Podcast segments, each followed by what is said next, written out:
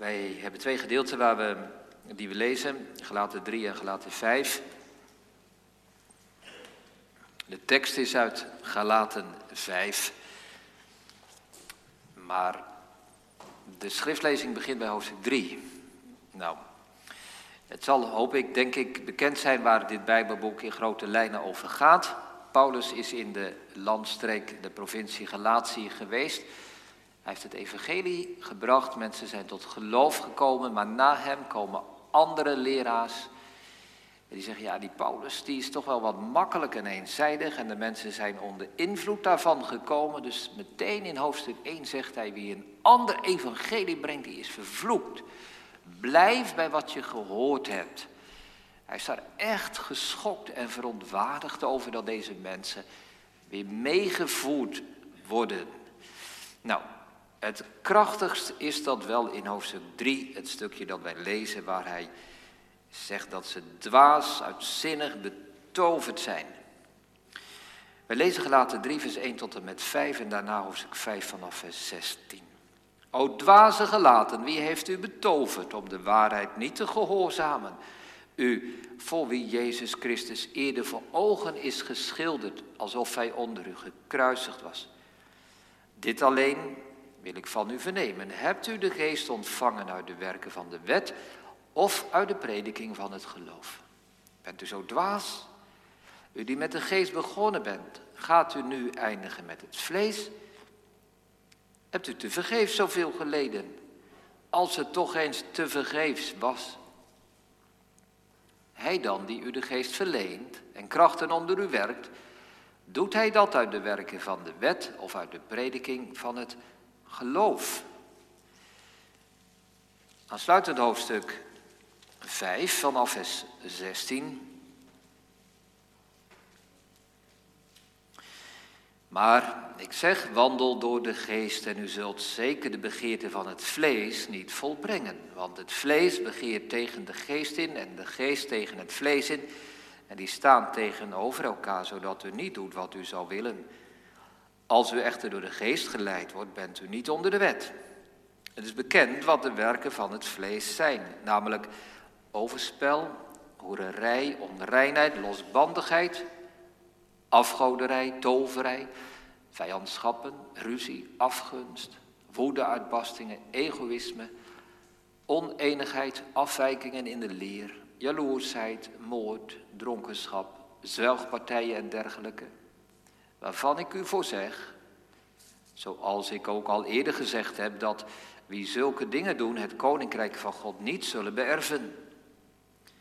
De vrucht van de geest is echter liefde, blijdschap, vrede, geduld, vriendelijkheid, goedheid, geloof, zachtmoedigheid, zelfbeheersing. Daartegen richt de wet zich niet. Maar wie van Christus zijn, hebben het vlees met zijn hartstochten en begeerten gekruisigd. Als wij door de geest leven, laten wij dan ook door de geest wandelen.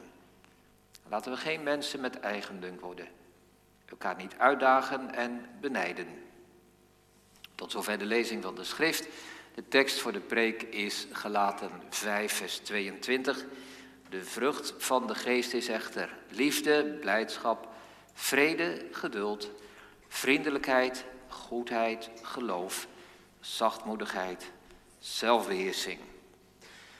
Drie gedachten in de prediking. Ten eerste staan we stil bij de gever van de geest.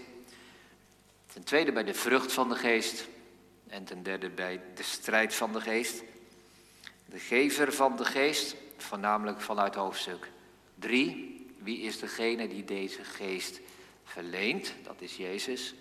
De vrucht van de geest is de tekst zelf, die negen woorden die hier worden genoemd als de vrucht van de geest. En in de derde plaats de strijd van de geest, als wij zien dat in hoofdstuk 5 wordt gezegd dat die geest tegenover het vlees staat. Die vechten, die strijden tegen elkaar. De drie gedachten, de geven, de vrucht en de strijd van de geest. Het thema boven de preek is het karakter van Jezus. Dat lijkt een wat ander thema, maar dat, dat komt hopelijk straks wel duidelijk naar voren. Waarom ik dat thema gekozen heb. Het karakter van Jezus. Wij zingen uit Psalm 1, vers 2 en 4 over de vrucht. Wordt ons hier voorgehouden in het beeld van een boom die groeit aan waterstromen en zijn vrucht geeft op zijn tijd. En dan vers 4, de twee soorten mensen die na, naast elkaar getekend worden. Gemeente, we lezen in Handelingen 19 dat Paulus aankomt in Efeze en daar een groepje christenen ontmoet en aan deze mensen een vraag stelt. Hebt u, vraagt hij, hebt u, hebben jullie de Heilige Geest ontvangen? Stel dat die vraag aan u, aan jou, aan mij zou worden gesteld. Heb jij de Heilige Geest ontvangen? Ben je een geestelijk mens? Is jouw leven, is jouw lichaam een tempel van de Heilige Geest? Woont de Heilige Geest in mij? Dat zijn allemaal vragen die we ook mogen stellen, die op hetzelfde neerkomen. Bezit ik geestelijk leven? Heb ik een nieuw hart? Ben ik bekeerd? Ben ik wedergeboren? Als, u, als jij de vraag liefst zo stelt, mag dat ook. Hebt u, heb jij de Heilige Geest ontvangen? Die vraag mogen wij, moeten wij aan elkaar stellen. Ik weet wel, ik geloof niet dat het christelijke geloof uit die vraag alleen bestaat. Alsof ons hele leven om die vraag moet draaien. Heb ik het nu wel of heb ik het nu niet? De vraag van de toe-eigening, zeg maar, zoals we dat dan wel noemen. Maar ik zou de vraag ook niet willen overslaan. Laten we elkaar die vraag stellen, gemeente. Heb, heb ik de Heilige Geest ontvangen? Nou zegt iemand, dominee, ik, uh, ik preek een beetje mee, zeg maar. En ja, die tekst gaat over de Heilige Geest. De vrucht van de Geest is en dan komen die negen woorden. Liefde, blijdschap, vrede, geduld, goedheid, geloof, zachtmoedigheid, zelfbeheersing en zo. Ik snap waar u heen wilt, dominee. Heb ik de Heilige Geest ontvangen? Dat betekent dat ik mijzelf moet onderzoeken of ik die negen vruchten in mijn leven herken. Nou, gemeente, laten we het eens doen. Ik zal niet zeggen, sta maar op als je het herkent, maar het is wel de vraag eigenlijk. Hè? Vind je jezelf iemand waar liefde in is, waar blijdschap in is, goedheid, vriendelijkheid, zachtmoedigheid, zelfbeheersing? Herken je ze alle negen? Zou er iemand zijn, gemeente, die, die die negen woorden langs ziet komen en zegt: nou ja, ik zou, wel, ik zou wel kunnen gaan staan. Ik ben wel een geestelijk mens. Ik heb ze alle negen. Zouden er mensen zijn, dat denk ik eerder, die zeggen, nou, dan mij ziet u niet staan. Ik blijf maar zitten. Ik, ik, nou, misschien zijn er één of twee of drie waarvan je zegt, oh, was ik maar iets zachtmoediger. Had ik maar iets meer geloof. Of, of, of dat laatste woord, hè, die zelfbeheersing. Oh, voor ik het weet, ik flapte weer van alles uit. Ik doe dingen, ik zeg dingen. Oh, kon ik mijzelf maar beter beheersen. Ik heb het niet. Dus dan denk je, hebt u de Heilige Geest ontvangen? Galaten 5, vers 22, negen vruchten, ik leg mijn leven ernaast. Nee, zeg je wellicht, ik ben helemaal niet zo geestelijk, ik ben heel ongeestelijk. Ik heb dat niet. Of dat kan ook goed, gemeente, dat er mensen zijn die zeggen, nou, er zijn momenten dat ik wel iets van die liefde ken en die blijdschap en die vriendelijkheid. Er zijn momenten dat ik door Gods genade toch toch wel wat zachtmoediger mag zijn dan ik vroeger was. Maar, maar is het genoeg? Zou ik durven zeggen dat ik een geestelijk mens ben en de Heilige Geest heb ontvangen? Nou gemeente, daar komt die twijfel weer hè, en die onzekerheid. Het ene vinden we wel, toch wel wat al te, te veel bravoer. Het andere, ja, het zouden ook niet durven zeggen dat je niks hebt. Dus ik denk zo dat er nogal wat mensen van ons een beetje tussenin zouden zitten. Nou, gemeente, ik zal u meteen maar zeggen dat dit niet de bedoeling is. Niet voor niets hebben we ook gelaten 3 gelezen. De tekst is gelaten 5, vers 22. Maar kijk, dat is een beetje het nadeel van, van zo'n ene preek, zeg maar. We moeten ons voorstellen dat de mensen die provincie Galatië die brief lezen. En die beginnen natuurlijk niet bij gelaten 5, vers 22 te lezen. Maar die beginnen gewoon bij 1, vers 1, zeg maar. Dus die zijn voorin begonnen. En als zij straks bij hoofdstuk 5 zijn, hebben ze hoofdstuk 3 gelezen. Dus dat moeten wij ook doen. Wij moeten niet al te snel naar hoofdstuk 5 gaan en vergeten wat er in 3 staat. Want wat staat er in 3 gemeenten? Wat zegt Paulus in hoofdstuk 3? Ik zei al, die mensen, hij is verontwaardigd, hij vindt het dwaze gelaten, hij vindt dat ze betoverd zijn. En dan zegt hij, ik neem de proef op de som, jullie zijn mijn eigen getuigen. Dit alleen wil ik van u vernemen, vers 2. Hoe is dat nu begonnen in jullie leven? Hebt u de geest ontvangen uit de werken van de wet of uit de prediking van het geloof? Hebben jullie de geest ontvangen door zelf aan de slag te gaan met te werken en je best te doen om de wet te houden? Of, of ben je gehoorzaam geweest aan wat er in de prediking werd gezegd? Ben je dat gaan geloven? Nou, er zijn twee dingen duidelijk gemeend. Het ene is dat het dat laatste is natuurlijk, die prediking van het geloof. Maar wat ook heel belangrijk is, is dat Paulus hier dus ervan uitgaat dat die mensen de geest ontvangen hebben. Ja, dus dat is niet een vraag van, nou, mensen, ik, ik ja, dwaze gelaten, ik begin me echt af te vragen of jullie wel de geest hebben ontvangen. Nee, zegt hij, u, vers 3, bent u zo dwaas, u die met de geest begonnen bent. En in vers 5, hij dan die u de geest verleent. Kortom, gemeente, Paulus die is geschokt en verontwaardigd voor, door wat er allemaal gebeurt in die gemeente van Galatië. Maar één ding houdt hij vast. Die mensen zijn geestelijke mensen. Zij hebben de Heilige Geest ontvangen. Dat is geen vraag voor hem, voor hem. Daar is hij zeker van. Wat zegt hij dus? Ik vat het samen. Paulus zegt dat iedereen die in Christus gelooft, de Heilige Geest heeft ontvangen. Hij dan die de Geest verleent, dat is Jezus zelf. Dus vandaar die eerste gedachte, de gever van de Geest. Dat is Jezus Christus. Hij zegt hij, jullie geloven, dus heel veel mis in jullie leven. Maar jullie hebben geloof gehecht aan de, aan de prediking van, van het evangelie. En iedereen die in dat evangelie gelooft, ontvangt de Heilige Geest.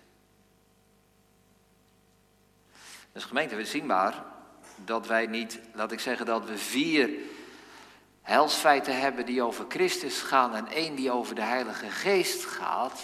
Kerst, Goede Vrijdag, Paas, Hemelvaart zouden over Christus gaan en dan komt Pinkster over de Heilige Geest. Nee, we hebben vijf christelijke helsfeiten. Ook dat vijfde helsfeit van Pinksteren gaat over Christus. Namelijk Christus die zijn geest geeft. Nog zo'n kleinigheid. Mooi als we dan tussen 3 en 5 inzitten in hoofdstuk 4, vers 6. Nu, omdat u kinderen bent, heeft God de geest van zijn zoon uitgezonden. In uw harten, die roept Abba Vader. De geest van zijn zoon. Dus de Heilige Geest is de geest van Christus. De Heilige Geest is de geest van Jezus Christus. Dus als wij die vraag van Paulus weer terug voor de geest halen uit, uh, uit Handelingen 19. Hebben jullie de Heilige Geest ontvangen, gemeente? Hoe gaan wij die vraag beantwoorden voor onszelf? Moet ik op zoek naar geestelijke kenmerken? Moet ik naar gelaten 5 vers 22 en mij afvragen of ik die negen zaken wel voldoende zie? Nee, we moeten beginnen bij geloof. Ga je eigen leven dus niet allereerst naspeuren op geestelijke kenmerken, op ervaringen, op bevindingen. Heb ik dit meegemaakt? Heb ik dat gevoeld? Heb ik het voldoende? Die vraag, gemeente, ben ik een geestelijk mens, is allereerst een zaak van geloof. Niet geloof in jezelf, maar geloof in Christus die de geest aan ons geeft. Dus een van de allergrootste gaven die Christus geeft. Zijn heilige geest. Hij heeft het zelf gezegd, Lucas 11. Als u die slecht bent, uw kinderen dus goede gaven weet te geven, hoeveel te meer zal de Hemelse Vader zijn heilige geest geven, degene die hem bidden. Dus zometeen gaan we inderdaad wel naar gelaten 5 toe. Maar eerst gemeente gelaten 3. Of ik, ik kan zelfs zeggen gelaten 1 waar het mee begon. Paulus heeft gezegd, er is maar één evangelie, het evangelie van Jezus Christus. Ja, maar het lijkt van Paulus of je zo gaandeweg steeds meer weggaat bij Christus en steeds meer over de Heilige Geest begint. In hoofdstuk 3 gaat het over de Geest, in hoofdstuk 5 al helemaal. En toch gemeente, er is maar één evangelie van Jezus Christus. En in die Christus ligt de belofte van de Heilige Geest. Hij heeft dat uitgestort. Handelingen 2. Wat u nu ziet en hoort, zegt Petrus. De Heilige Geest komt bij Jezus vandaan. Dus gemeente, wij moeten, wij moeten niet hè, de Heilige Geest losmaken van Christus. Er zijn mensen, de Pinkstergemeente voornamelijk, die zeggen ja, maar dat is een tweede, tweede zegen, een second blessing. Je hebt gewone christenen, maar je hebt echte, de bijzonderen, die hebben de Heilige Geest ontvangen. Dan zeggen ze tegen ons, bij wijze van spreken, ja, jullie hebben het veel te weinig over de Heilige Geest. Nee, we hebben het niet te weinig over de Heilige Geest. Zij hebben het misschien wel te weinig over Christus. Want Christus geeft die Heilige Geest. Dat betekent ook voor ons gemeente dat wij niet moeten denken, ja, ik, ik mag geloven in de Heer Jezus. Maar nu komt die vraag van de Heilige Geest en dat geestelijke leven. Ik vind dat moeilijk. Ik durf niet zomaar ja te zeggen. Houd ze bij elkaar. Als je in Jezus Christus gelooft, heb je de Heilige Geest ontvangen. Wat een bemoediging is dat. Wat een bemoediging, gemeente.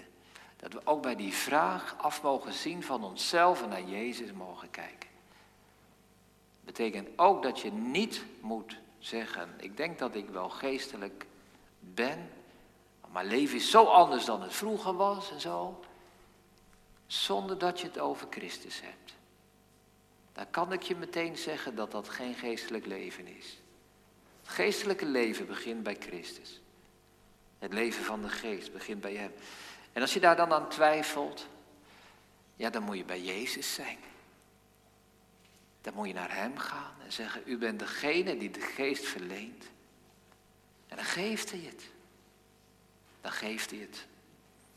Dus dat is de eerste gedachte, gemeente. De gever. We gaan naar de tweede, de vrucht van de geest. We kunnen nu omslaan en naar gelaten vijf gaan. En die tekst lezen. De vrucht van de geest is liefde, blijdschap, vrede, geduld, vriendelijkheid, goedheid, geloof, zachtmoedigheid, zelfbeheersing. En toch gemeente, ik op het gevaar af om uh, een beetje in herhaling te vallen, maar ik begin mijn tweede gedachte weer met hetzelfde. De vrucht van de geest, dit gaat over de geest van Christus, dus dit is de vrucht van Christus. Als wij willen weten wat die vrucht inhoudt, moeten we weer bij Christus zijn. Want de Heilige Geest verbindt ons aan Christus. Dat beleiden wij. Al is hij de hemel gevaren, hij is door zijn geest bij ons. Dat zien wij in de doop, dat zien wij in het avondmaal. Wij heffen onze harten op naar de hemel, waar Christus is, met wie wij door de Heilige Geest verbonden zijn. Dus de Heilige Geest werkt, ik zou zeggen, werkt als een infuus. Die ons verbindt met Christus en, de, en de bloed, het bloed, maar ook de geest van Christus door de Heilige Geest in ons leven geeft. Als ik het eenvoudig wil zeggen, gemeente, dan zeg ik het zo. De vrucht van de Heilige Geest betekent dat ons karakter op Jezus gaat lijken. Het karakter van Jezus, dan komen we uit bij die negen woorden. Wat was het karakter van Jezus? Hij was liefdevol. Hij was blij, vredig, geduldig, vriendelijk, goed, gelovig, zachtmoedig. Hij had zelfbeheersing. Dus de geest, de vrucht van de geest gaat ook over Jezus. Luister maar. Matthäus 11. Leer van mij, zegt hij, dat ik zachtmoedig ben en nederig van hart. Je zult rust vinden voor je ziel. Hij heeft gezegd in Matthäus 23, vers 23, het belangrijkste van de wet is het recht en de barmhartigheid en het geloof. De vrucht van de geest. Psalm 25 zingt over hem milde handen, vriendelijke ogen, zijn bij hem van eeuwigheid. De kinderen waren echt niet bang voor hem. Hij nodigde ze, hij nam ze op zijn schoot, hij omarmde hen, hij zegende de kinderen. Wat een liefdevolle man was hij. Wat een vreugde in hem, wat een blijdschap. En zelfs aan het kruis bad hij voor zijn vijanden. Vader, vergeef het hun. Ze weten niet wat ze doen. Als wij dus vragen aan onszelf, gemeente, of wij die vrucht van de geest hebben, dan moeten wij niet op zoek gaan naar allemaal kenmerken en eigenschappen of ervaringen of gebeurtenissen. Maar dan moeten we bij het karakter van Jezus zijn. Heb ik, heb ik geestelijk leven? Dat betekent begint mijn karakter te lijken op het karakter van Jezus. Hoe reageer ik? Hoe reageer ik? Te vaak gaan wij toch weer bij onszelf op zoek naar geestelijke ervaringen. dan denk je, ja, heb ik, heb ik eigenlijk wel zo'n diepe weg gehad als mijn, als mijn opa had, of als mijn broer had, of wel ik wel eens gelezen heb. Dan komt de huisbezoek en dan denk je, ja, wat, wat zou ik moeten zeggen als de broeders de vraag stellen, hebt u de Heilige Geest ontvangen? Ik heb eigenlijk helemaal niet zoveel te vertellen. Maar gemeente, pas op dat wij daar de vrucht van de geest niet aan afmeten. Nee, wij moeten die vrucht van de geest vergelijken met die werken van het vlees. We hebben dat gelezen, ik kom er zo nog wel op terug. Maar dit zijn manieren van reageren. Hoe reageer ik op mensen, op situaties, op gebeurtenissen? Reageer ik volgens de werken van het vlees? Ben ik jaloers? Ben ik afgunstig? Ben ik boos? Of reageer ik zachtmoedig, vriendelijk, met zelfbeheersing? Nou, ik stel maar een paar vragen, gemeente. Als er een bepaalde situatie is uh, met, je, met je kinderen of met je ouders, komt er een snauw uit of een vriendelijk woord. Die snauw staat niet in dat rijtje van de vrucht van de geest. Hè? Dat hoort bij de werken van het vlees. Kan ik blij zijn met het geluk van een ander? Of ben ik jaloers? Kinderen, als je op school je, je, je cijfer krijgt hè, voor een repetitie of je rapport. En je zegt, zo, ik heb een acht voor rekenen. Ben ik blij, een acht gehaald. En je vraagt aan je klasgenoot, wat heb jij? Een negen. Kinderen, wat gebeurt er dan? Hè? Ben je dan blij met die negen voor die ander? Of verdwijnt dan je eigen geluk? omdat je jaloers wordt. Jaloezie is een vrucht van het vlees. Blijdschap is een vrucht van de geest. Jouw acht wordt niet minder als een andere negen heeft. En toch, hè, toch gebeurt dat. Afgunst. Jaloezie. Hoe vaak, gemeente, praten we ons eigen ongeloof en onze twijfel niet goed? Nee, dat is geen vrucht van de geest om te twijfelen. Ongeloof niet, geloof wel. Als er nu een situatie in, in je leven zich voordoet van onzekerheid, van moeilijkheid, je weet niet waar het heen gaat, wat doe je dan?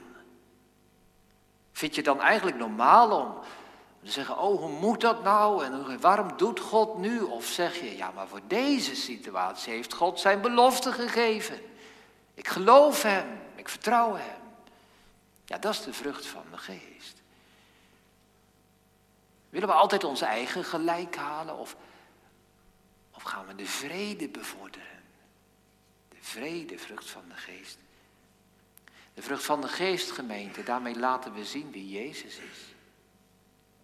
Wij worden christenen genoemd omdat wij op Christus lijken. Omdat wij dezelfde zalving deelachtig zijn, namelijk de Heilige Geest. Christus is met de Heilige Geest gezalfd, wij zijn dat ook. Ja, zegt iemand, dominee, u gaat wel erg op de psychologische toer. Is dat niet te weinig geestelijk? Geestelijk is toch wel echt wat anders dan, dan, ja, dan die karaktereigenschappen waar u nu het over heeft. Of iemand zegt, ik vind het sowieso wel lastig. is het nu geestelijk of is het psychisch, psychologisch? Misschien zegt iemand, ja, ik, ik heb zo'n hekel aan ruzie, ik, ik, ik wil geen ruzie. Of die zelfbeheersing heb ik geen moeite mee, dat is gewoon mijn karakter. Wanneer is het geestelijk, wanneer is het psychisch? Nou, ik zal u een verhaal vertellen van, van een man die ik in Rotterdam een keer sprak. Hij heeft mezelf verteld dat hij opgroeide in een gezin, net na de oorlog geboren was. En hij zegt, mijn ouders hadden elkaar gevonden, zijn elkaar, met elkaar getrouwd na de oorlog. Mijn vader was bij de SS geweest, had in Rusland gevochten en kwam terug. Mijn moeder had een kind bij een NSB'er. Toen was de oorlog voorbij en die twee mensen werden natuurlijk door de maatschappij hier uitgekotst en uitgestoten. En in hun verlorenheid en, en hun ongeluk vonden ze elkaar. En ze trouwden met elkaar en deze intussen oudere man werd uit dat huwelijk geboren. Nou, allebei gehavend, getraumatiseerd uit die oorlog gekomen. Hij zegt, ik groeide in dat gezin op en het huwelijk van mijn ouders was geen goed huwelijk. Mijn vader zegt, hij was driftig, driftig. En door alles wat hij meegemaakt had en zijn trauma's kon hij echt gewelddadig zijn en onbeheerst. En hij zei, toen ik twaalf jaar oud was, gingen mijn ouders scheiden. En dat was zo gevaarlijk. Mijn vader was zo onberekenbaar en onvoorspelbaar. Ik moest als jongen van twaalf, zegt hij, s'nachts in het tweepersoonsbed naast mijn moeder liggen om haar te beschermen voor het geval dat mijn vader binnenkwam. Dan zou ik met mijn vader moeten vechten. Oh, wat een verhaal. Verschrikkelijk. Maar die man die ging verder en die zei, mijn vader was driftig en ik heb het karakter van mijn vader, zegt hij. Ik ben ook driftig. Ik heb ook diezelfde neiging. Maar, zei hij, prachtig. Maar, zegt hij, door de geest van God, door de geest van Christus is die drift van mijn karakter geestdrift geworden. Dus God heeft zijn driftige karakter in dienst genomen om hem geestdriftig te maken voor het evangelie. Ik weet het als de dag van gisteren dat die man mij dat vertelde en het ontroerde mij. Het raakte mij. Meer dan misschien een lang verhaal van iemand die vertelt hoe, hè, hoe die tot bekering is gekomen en, en allerlei diepe belevenissen of zo. Van drift naar geestdrift. Dat is geestelijk leven.